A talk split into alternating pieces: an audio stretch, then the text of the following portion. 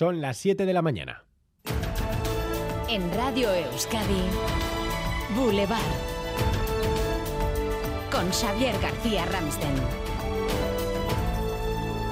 Egunon, el delegado del Gobierno en Euskadi va a detallar esta mañana las inversiones en Euskadi de los presupuestos generales del Estado, un proyecto cuyas líneas preliminares ya conocemos y las cifras eh, no parece que nos salgan a cuenta. El presupuesto contempla 558 millones de euros para Euskadi, 47 millones más que el presupuesto anterior, sí, pero el cálculo del cupo hace que tengamos que pagar 273 millones más que este año, un 20% más. Es decir, Euskadi va a tener que pagar el triple de las inversiones que recibe. El Gobierno pide apoyos, necesita apoyos. María Jesús Montero, ministra de Hacienda. Y por ello esperamos que a partir de este momento el diálogo sea franco, sea constructivo, que prime el sentido de Estado. Esta mañana conoceremos la postura del PNV, uno de sus principales socios, la Buruquide y Chaso Atucha, a las 9 en Boulevard.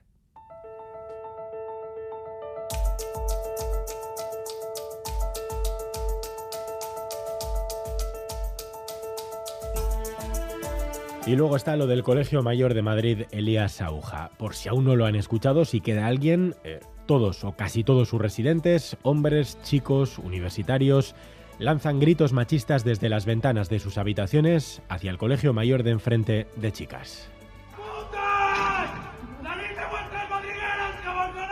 En coreografía, primero insulta uno, después los demás suben las persianas de golpe y se suman al ritual en manada.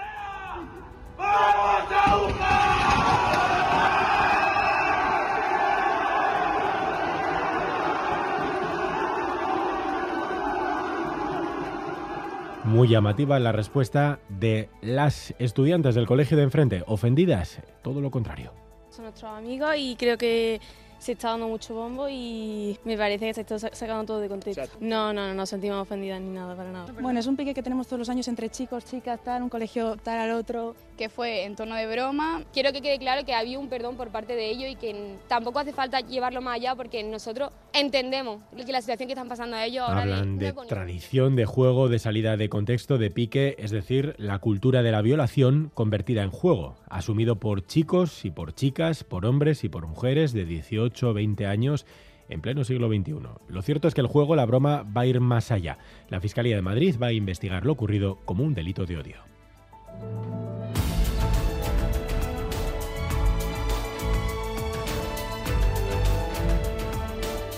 Es viernes 7 de octubre y Chaso Güemes Egunon. Egunon. Y ahora es cuando se nos va a atragantar o a volver a atragantar el desayuno. Sí, al menos si hacemos caso a Joe Biden, porque Leire García, Egunon, Egunon. alerta de un posible apocalipsis nuclear. Sí, el presidente de Estados Unidos dice que el nivel de riesgo es el más elevado de las últimas décadas. Joe Biden asegura que Vladimir Putin no está bromeando cuando habla de la posibilidad de utilizar armas nucleares.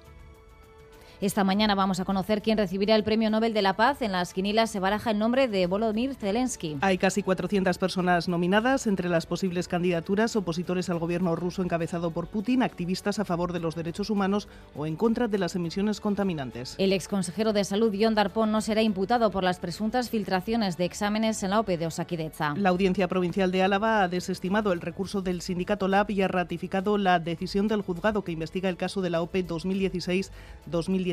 Tampoco será imputada la exdirectora general de Osakidecha, María Jesús Mújica. En Donostia hoy se celebra, a puerta cerrada, el único debate entre Odón Elorza y Marisol Garmendia. Ambos quieren encabezar la candidatura del PSE a la alcaldía de Donostia. El debate se va a llevar a cabo a las seis y media de la tarde en la sede de la calle Prim.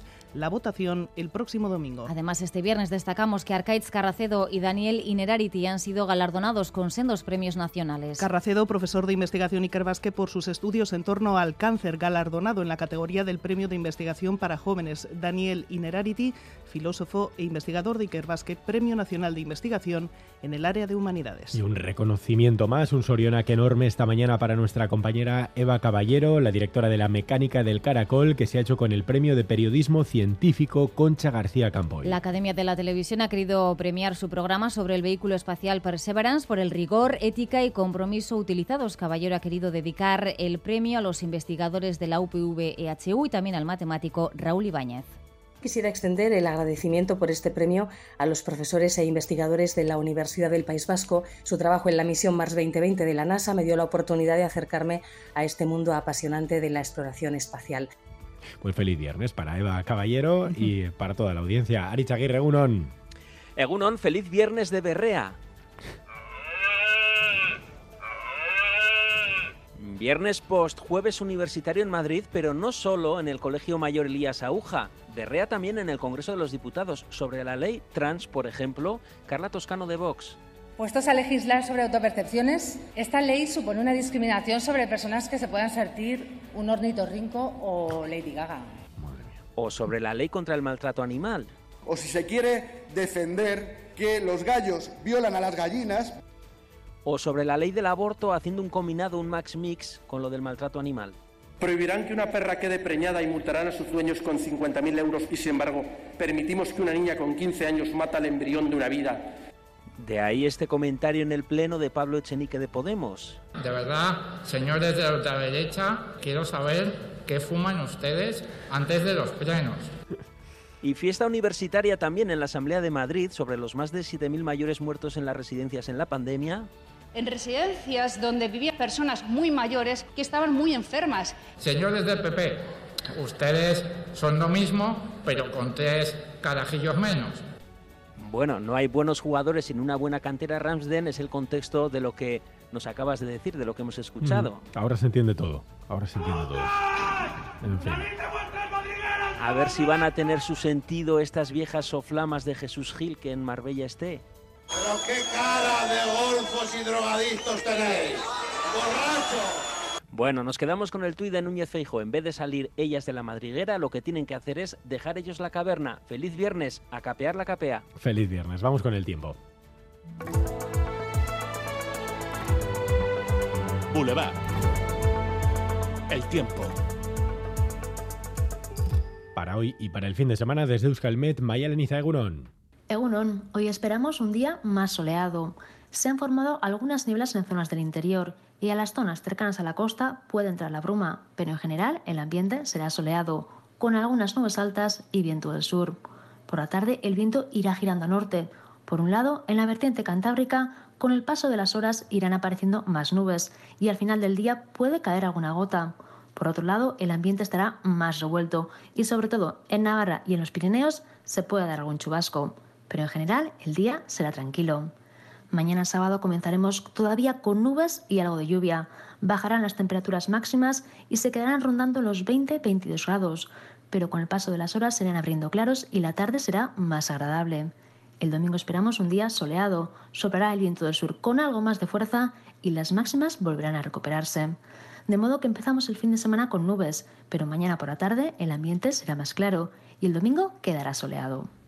A esta hora los termómetros marcan 15 grados en Bilbao, 14 en Donostia, Sodupe y Espejo, 12 grados en Bayona, Olite y Legazpi, 11 grados en Iruña, 10 en Vitoria-Gasteiz.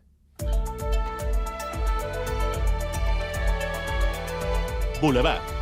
Tráfico. Un oyente nos alerta de un accidente en Aleguía en dirección eh, Tolosa, carril derecho ocupado. Ahora mismo no hay señalización, aún no han llegado los servicios de seguridad, así que precaución en esa zona. De momento es la última hora que nos avanza un oyente en el 688 840 840.